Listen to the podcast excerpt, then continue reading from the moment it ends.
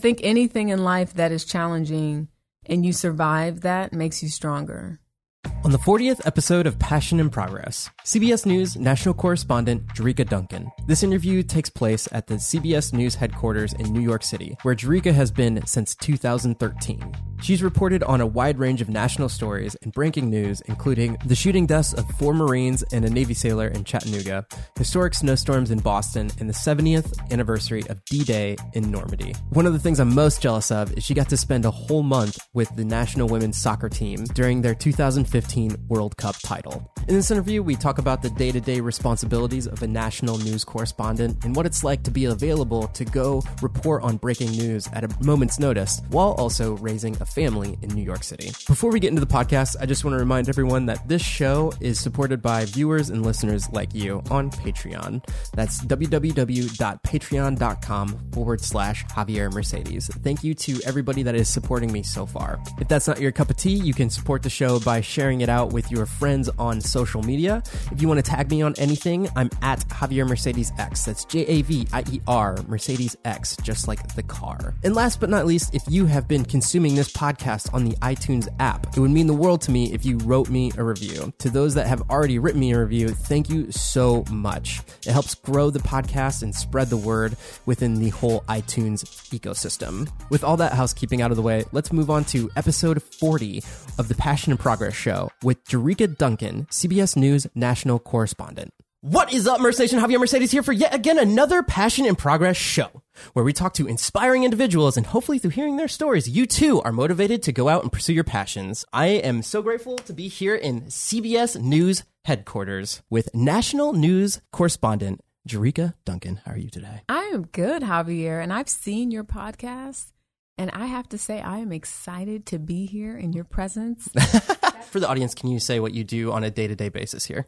So, I am a national correspondent, and my job is to gather information, tell the viewers what's going on. Because I don't necessarily have a beat, I have an opportunity to do a wide ranging list of stories. I cover weather, I cover breaking news, I've covered sports, I've covered tragedy, unfortunately. But there's no one area that I have to specifically focus on.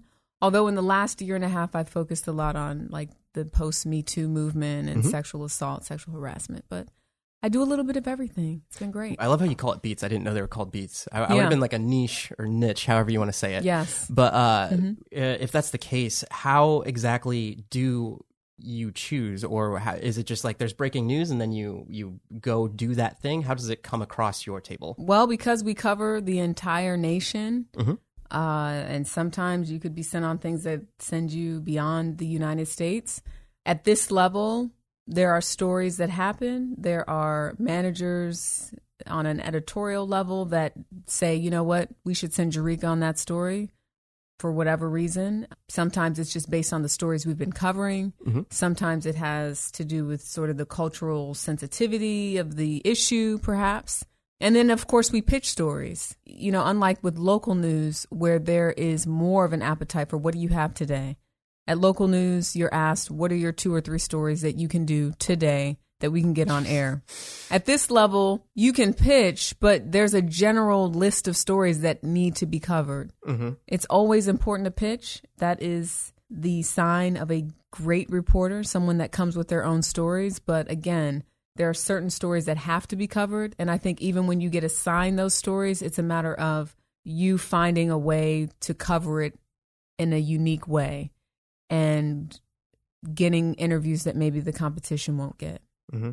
Sounds like you love what you do. I do. You have And such I a just- swag when you're talking about so it. funny because I really recently came into accepting that I do love what I do Mhm. and not feeling bad about it. Um, I have a five year old daughter and I love being a mom, but I really love the flexibility that this job can provide in terms of the stories that I do. And my schedule is crazy, but I also have managers that if you go six or seven days straight, will say, you know what, why don't you take two days off on top of the two days that you're supposed to be off so that you can catch up on life. Um, it doesn't always happen, but I have to say, shout out to Andre Rodriguez. he's one of my managers. Um, he's very good about making sure that for all of us, there's a, there's a bit of a balance. And I think as long as you're able to kind of have that, it makes it worth continuing on this path. It's not easy, um, but it's great. And I meet so many people every day that remind me to be grateful. Just two days ago, we interviewed um, a family who lost their daughter. She sadly committed suicide. She was a student at Northwestern, star athlete, basketball player, and they're suing the sorority that she pledged. They they believe that the hazing caused her, pushed her to commit suicide. When you look into the eyes of parents like that, you feel what they're feeling. You you think you feel what you're feeling. That you don't know what they've experienced, but it's again another reminder, especially being a parent, of how grateful you are and just um you know regardless of how you feel about who's right or who's wrong Mm-hmm. i'm grateful and i love what i do so Yeah, uh, Yeah. I guess there's two things I want to ask about that, but uh, I'll stick with one. mhm. Um, when you are on a moment's notice going out to these stories, because that's what it sounds like. Sometimes that's what happens. Mhm. How do you cover being a mom at the same time? How do dads cover it being dads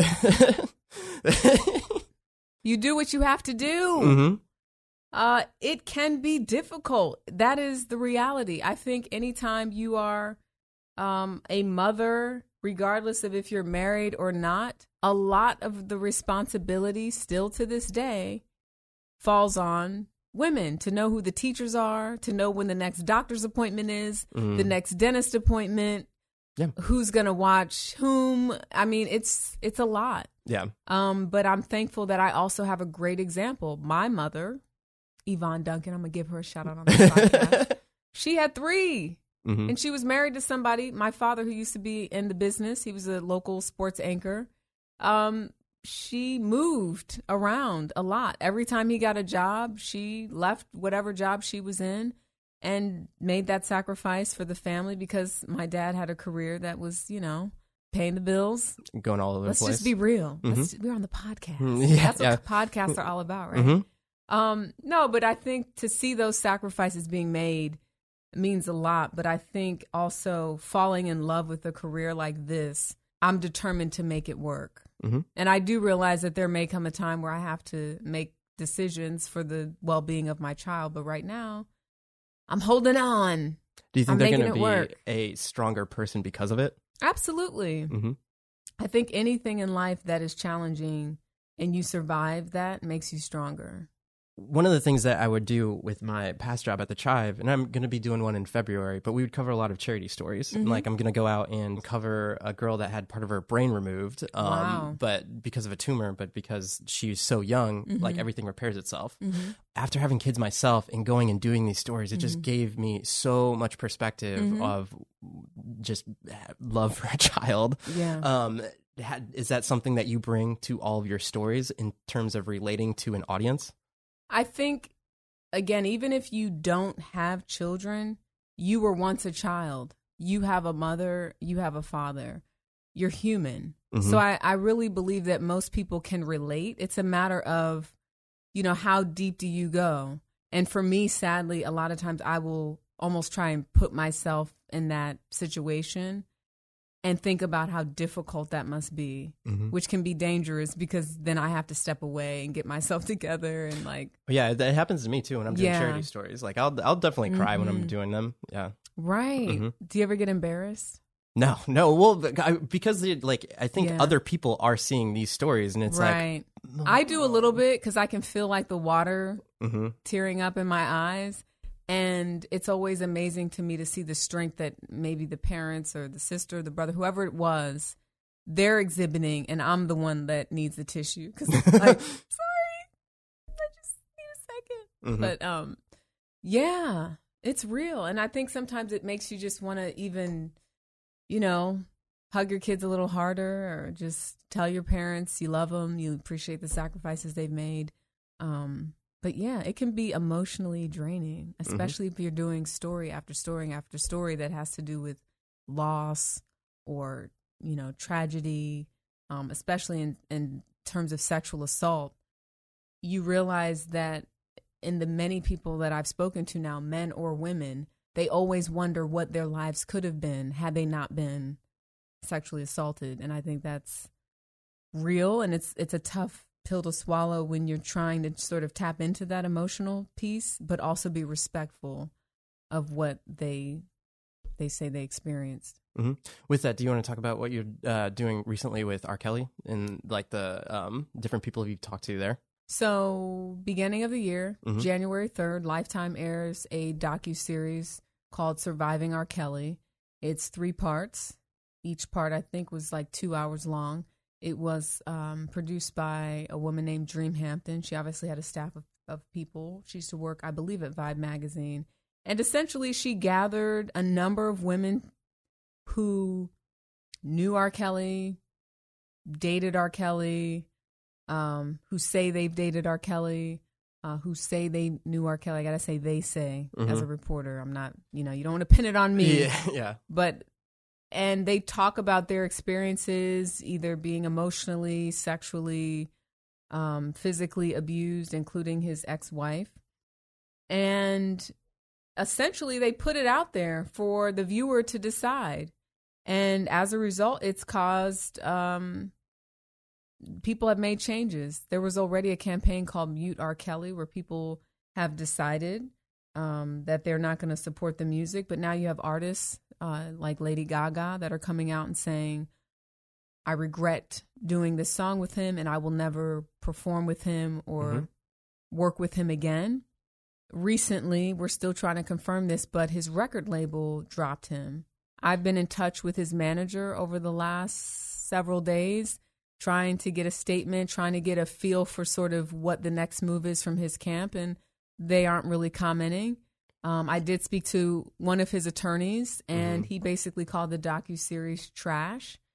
Uh, and then I spoke recently to Sparkle. Sparkle is someone that used to be uh, an artist of R. Kelly's. Mhm. She had a very popular song that did well on the billboards, and she was one of the first, if not the first, to speak out. It was interesting to hear her story today because she stands by the fact that she believes her niece, who she says was about 14 at the time, was on that infamous tape, that infamous sex tape Mhm. that um, he was charged with child pornography and then later acquitted.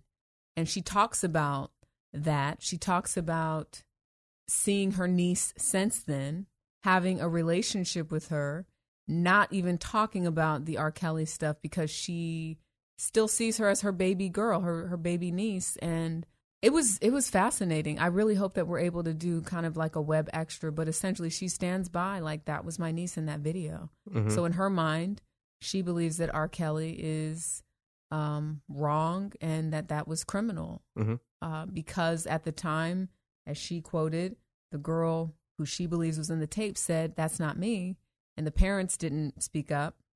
He was acquitted. Again, this is according to Sparkle.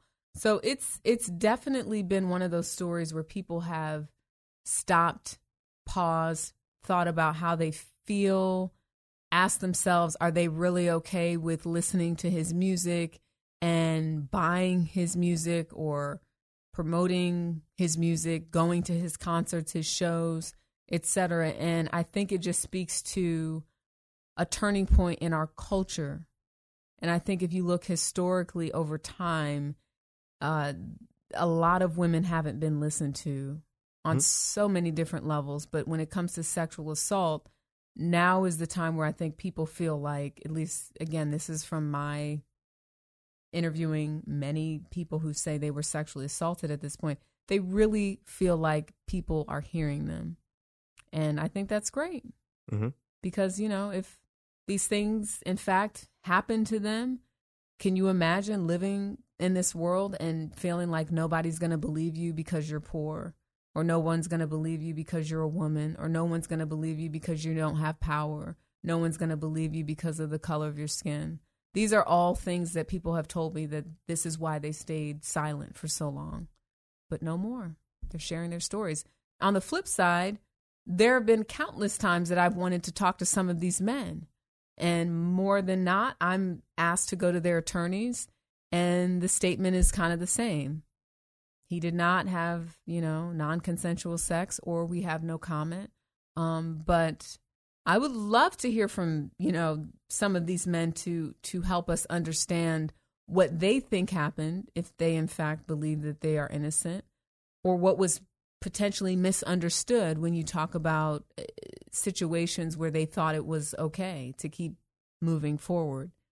Mhm. Um yeah, so it's it's a very complicated and complex issue. Yeah. And honestly, it's one of those things that I've realized that um, you have to be careful in talking to folks who've been through that sort of trauma because you you know, you have to ask the questions as a journalist, but you have to be so delicate because you have to kind of come from the mindset of like this is what they're saying happened to them and it can be very triggering, very painful um, and sort of take them back to that place and you know you you also have to sort of keep it together to continue to try to understand and help other people understand what's going on. Yeah, that was going to be my next question is Mm-hmm. like even when you're starting to tackle that story from the beginning, how do you go about that process of how do I cover this? Well, I would say honestly with every story, I probably say a bit of a silent prayer, just like, you know, thank you God for the opportunity, but just help me to tell the story the way that it should be told. And I think it's also feeling out the person you're talking to because you can look into someone's eyes and know when maybe you've stepped the line or Ooh.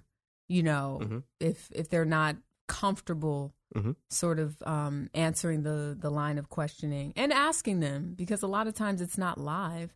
So, are you okay? Do you need a second?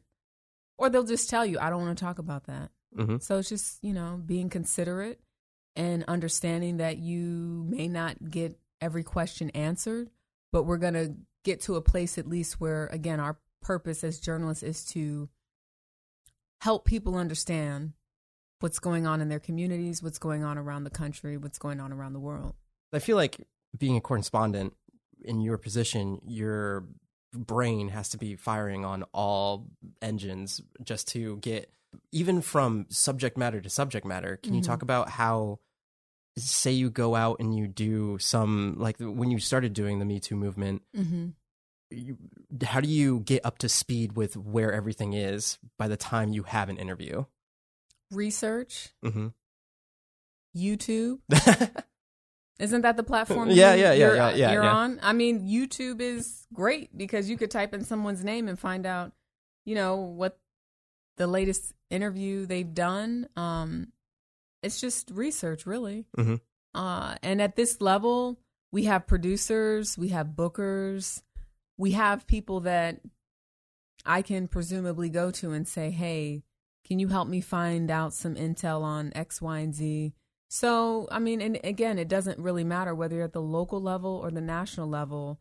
You need to prepare for an interview. So that involves doing your research and finding out whatever the latest is before you sit down with people. Yeah, it just seems like if you have every single type of beat, I'm just gonna keep. Uh, Yeah, I'm no, just. I'm just gonna it- keep saying the beats. Yeah, yeah. you have to do the work. Mhm. And whether something breaks right now and my manager say, go to Oklahoma, this happened. Well, you better believe on my taxi ride home to get my bag, I'm researching. On the taxi ride from my home to the airport, I'm researching. On the plane, I'm getting on the internet and I'm researching, sometimes maybe typing up a script and sending it to a producer before I touch down. So it's using as much of the time that you have before you go on television to figure out what happened, who did it happen to, what's the aftermath, what's next. Mm-hmm.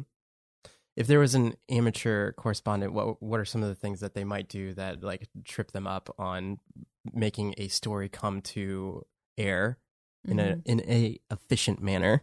some of the things that uh, might trip them up. Well, Yeah. I feel like it's funny because working at CBS, a lot of the people that I work with, I mean, there's a nice mix now, but when I first started working here, I definitely felt like an amateur. Even though I had Mhm. been doing news for over 10 years, you realize you are now in the pool of people who've covered wars, the White House. I mean, literally people who've put their lives on the line to cover Afghanistan, Iraq wars. Mhm. Um, it's no joke. So I think the key is coming in and being humbled by the people you're around and not being afraid to ask for help. There are many times when I first started out that, you know, I welcomed and still welcome people telling me what I could do differently to make my work stronger, whether it be a stand up. And it doesn't have to come from somebody that's older. I remember working with um, a producer that's younger than me. He's still here now. He's has a more senior position on the morning show, but he's like four or five years younger than me. And at the time, he was working as uh, an associate producer on evening news but I believe he started out as a digital journalist. So that essentially means he had a camera. He would go out and get the best video and send pictures back and describe what it was, etc. But this was a younger person when I first started out telling me that I needed to do my stand up again. And here's what you need to do to make it stronger.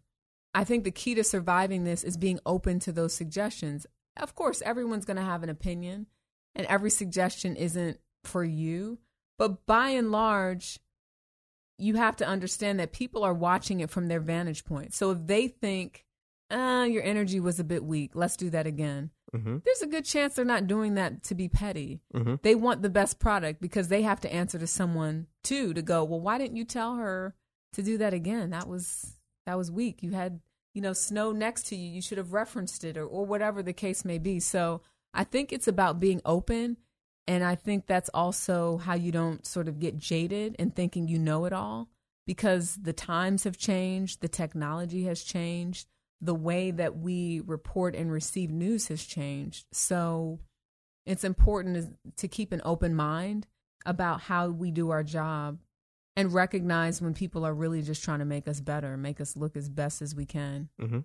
Yeah, I completely agree, especially on YouTube because there's that comment section. Mm. And in the comment section, you can get negative comments. But the thing yeah. is, I, I invite those, especially from what sort of negative comments do you get? Well, it'd be like, well, say say it's like I did Look a tutorial. me, I'm turning this around on you. Well, that's fine. Um, let's say I do a tutorial on something, okay. and if I went too fast, mm-hmm. or I didn't show a certain part, mm-hmm. or they're like, I don't like this, or I don't like that, I completely, mm. just like what you were talking about with the stand up pieces, right. I, I, completely invite that because mm-hmm. I'm like, man, I want to get better. Right. And there's no way of knowing that unless you have feedback. The stories that you do cover mm-hmm. of all of your past, what are some of your favorites? A 15 year old girl recently wrote me a letter telling me that she's doing a project for school and she wanted to interview me. Oh. So we did the interview yesterday.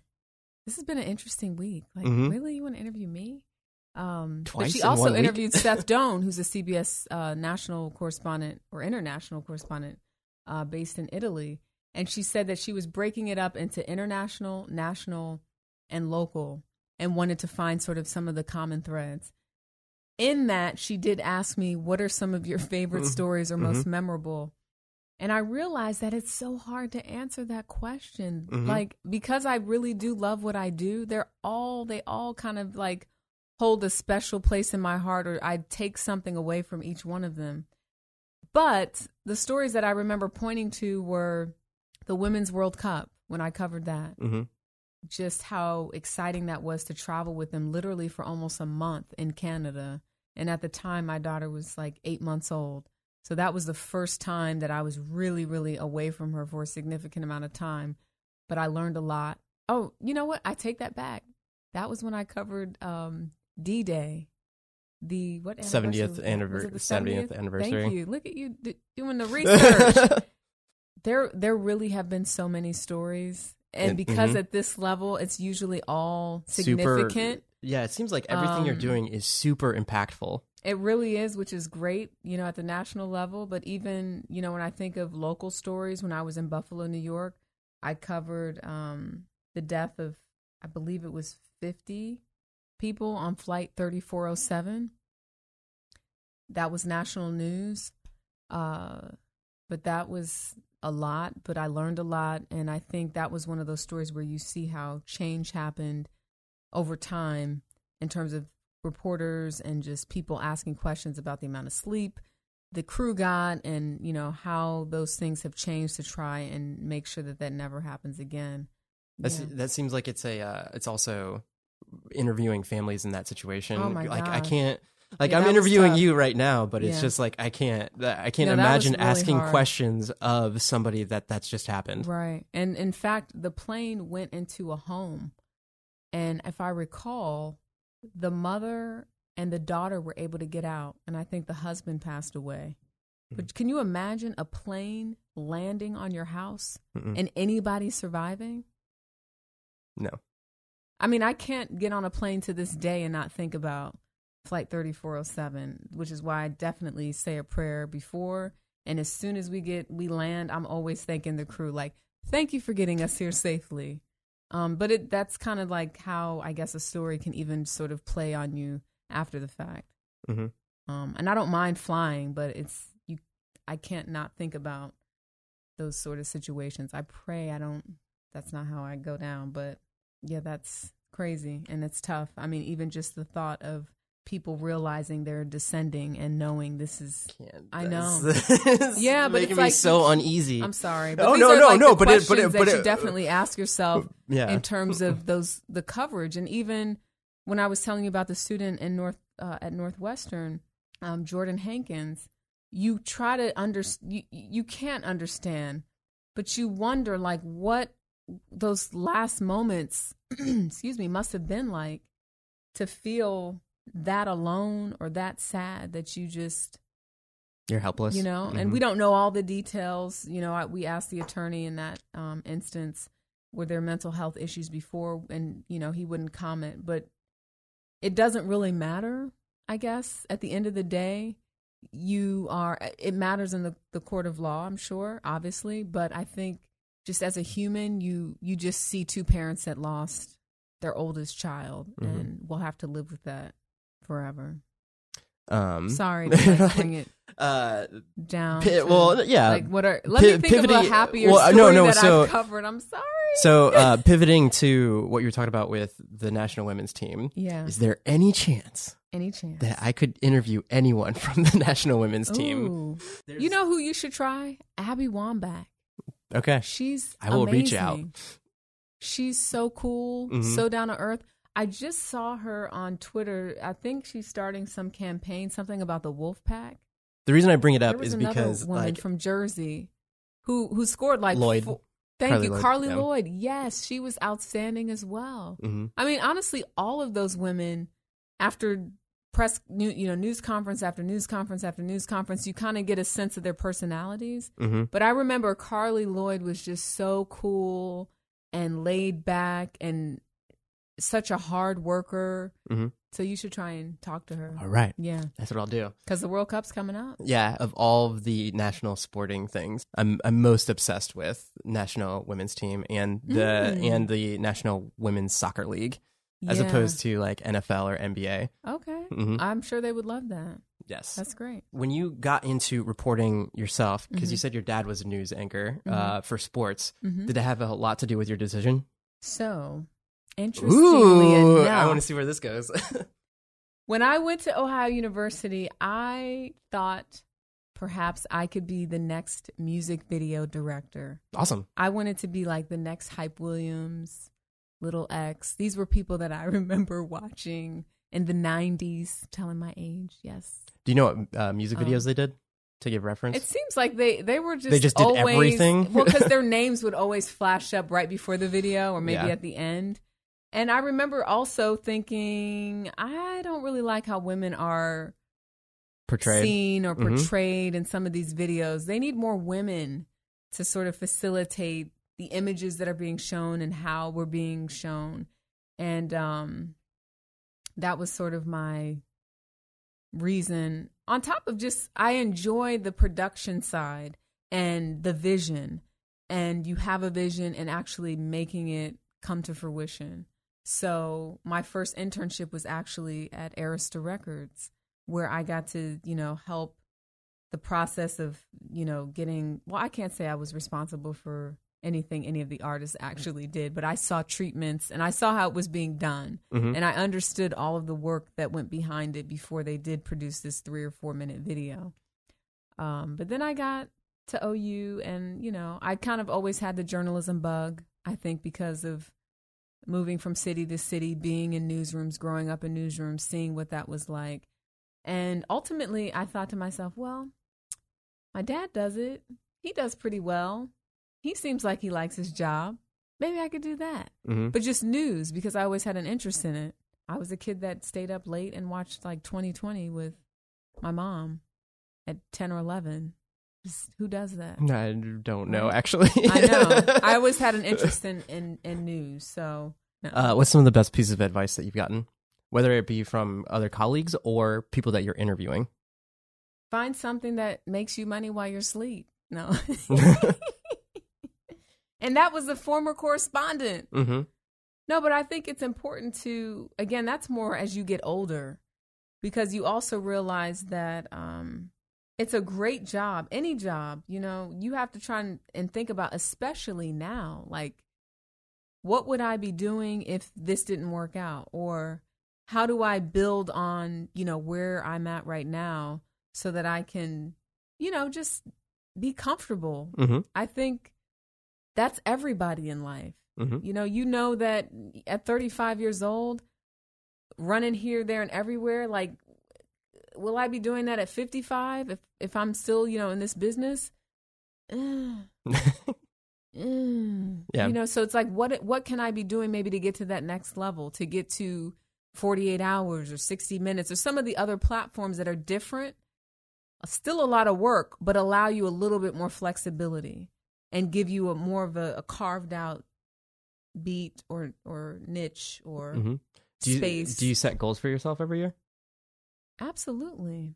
Well, what does that look like? Is it just like is it like is it like a five year plan, a one year plan, and then Hmm. everything in between, or is it you're consistently persistent in everything that you're doing? In the beginning, I remember thinking, if I'm not advancing in the next three to five years, then I will try something else. If television news doesn't work out for me, maybe I'll try something else. Okay. So now it's it's worked well. I've been incredibly blessed, been given some great opportunities, and I'm extremely thankful. But I think in this space it's like, okay, what more can I do? Where else can I sort of grow? What what Yeah. other platforms would I love to work on within CBS?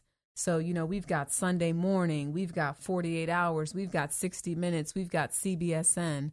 And I think it's a matter of not just limiting my limiting myself to the morning show and our evening news program, but yeah, let me branch out maybe and see about doing longer form pieces because we have some incredible programming where it's more than just doing a minute and a half or 2 minute hit.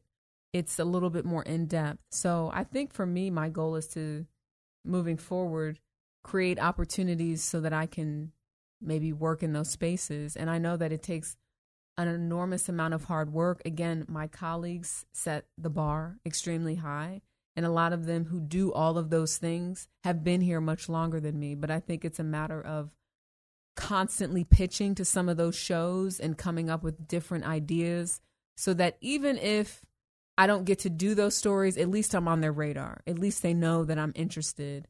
And part of being a journalist is being okay with the word no people tell me no every day, so it doesn't even faze me. It just means not right now.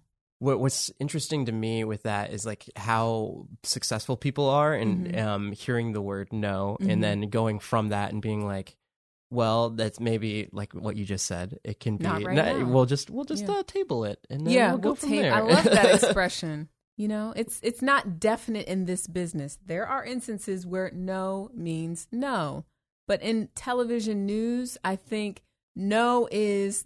Then I ask, well, how would I? How could I? What? How do I get to yes? Taking that information and retweaking whatever it is that maybe your idea was. But I think that one should not lose their passion for whatever it is that they ultimately want to shine light on. That's part of being a journalist. We're not covering this. We need to cover this. Okay, you don't like the pitch? Okay, how about if we do it this way? Okay, what if we got this interview? And you just keep going. And then when you're passionate about something, you're not going to stop. Or you're just going to find other ways to do it. hmm I love how stern you are with saying that because, like, I feel like if you were pitching me anything, I'd be like, "Yeah, let's do that." Yeah, that's right. You should be my boss. and I get all my stuff approved right now. I'm Yeah. kidding. But it's good. I mean, that's that's what makes it so fun and interesting. Because when you get that yes, and then you get the support being producers, editors, people that believe in your vision, it's amazing. And it's like, yes. And that doesn't always happen. It doesn't happen often, but because it doesn't happen often, that's what you strive for. Mm-hmm. And when it happens, it's so special. And like, you're just like, yes, Yeah. victory. Uh, there's two things I always ask everybody at the end of the podcast. Oh, uh, why do you do what you do? Why do I do what I do? I, I have to obviously naturally growing up around it has has been influential. I do what I do because I enjoy people. I enjoy learning. I enjoy getting different perspectives. And this is the best job in the world. I get to experience so much and meet so many different people and travel to so many different places. I used to say it's like going on field trips all the time and I used to love going on field trips as a kid. Who doesn't like going out of, you know, get out of the classroom and like Mhm. go explore, go to the museum. That's so exciting. Pack your little lunch for the day. Mm-hmm. Now I get a little per diem, go to a restaurant. the adult version. So yeah, I love what I do. That's why I'm doing it. Mhm. And I enjoy people. I love listening to people's stories, asking questions, just like, you know, it's it's it's one of those jobs where if you're not interested in constantly learning, then maybe it's not for you. But it's pretty cool. Yeah, it sounds like you want to satisfy a curious mind, and I have a uh, very curious mind. and then even with even with that in your uh, profession, Mhm. going to the authorities in that uh, whatever said space and being like actually talking to the people where Right. wherever that is, which is I think therein lies the like the cool like you get to actually be on the ground level of Right. learning from the people that know what they're they're talking about. you know? Exactly. Yeah, and then challenging folks, Mhm. being a voice for other people, and asking questions that people want to know. Uh, second question I always ask is if you were to, uh, if it was Ohio University, Mm. um, if there was somebody graduating from there right now Mm-hmm. and they wanted to pursue where you're at right now Mm-hmm. uh, as a national correspondent, what would you tell them? What advice would you give them? Follow your heart, have fun, work hard. As my dad would say, hard work pays off. And I truly believe that. It's so simple, but it's true. hmm I love how concise that is because you know exactly like, hey, follow this and you'll probably be successful. I think the having fun part people forget. hmm And even when I was in Elmira, New York, New York, doing stories on like rabid cats, is that, is that the correct? I feel like that was the first story I did, if I recall. There was a cat running loose that may have rabies. This is the the spectrum of And what I you've covered. All that to say, I enjoyed covering it, even though it was such a small, local. It was, yes, we have to tell the public about this cat. People need to be safe. those are the stories that you know exist in a smaller community people want to know but um elmira new york was that place where everybody is straight out of college and it's a small town but i i remember having fun there because there was like a little irish pub that we all used to hang out at Mhm.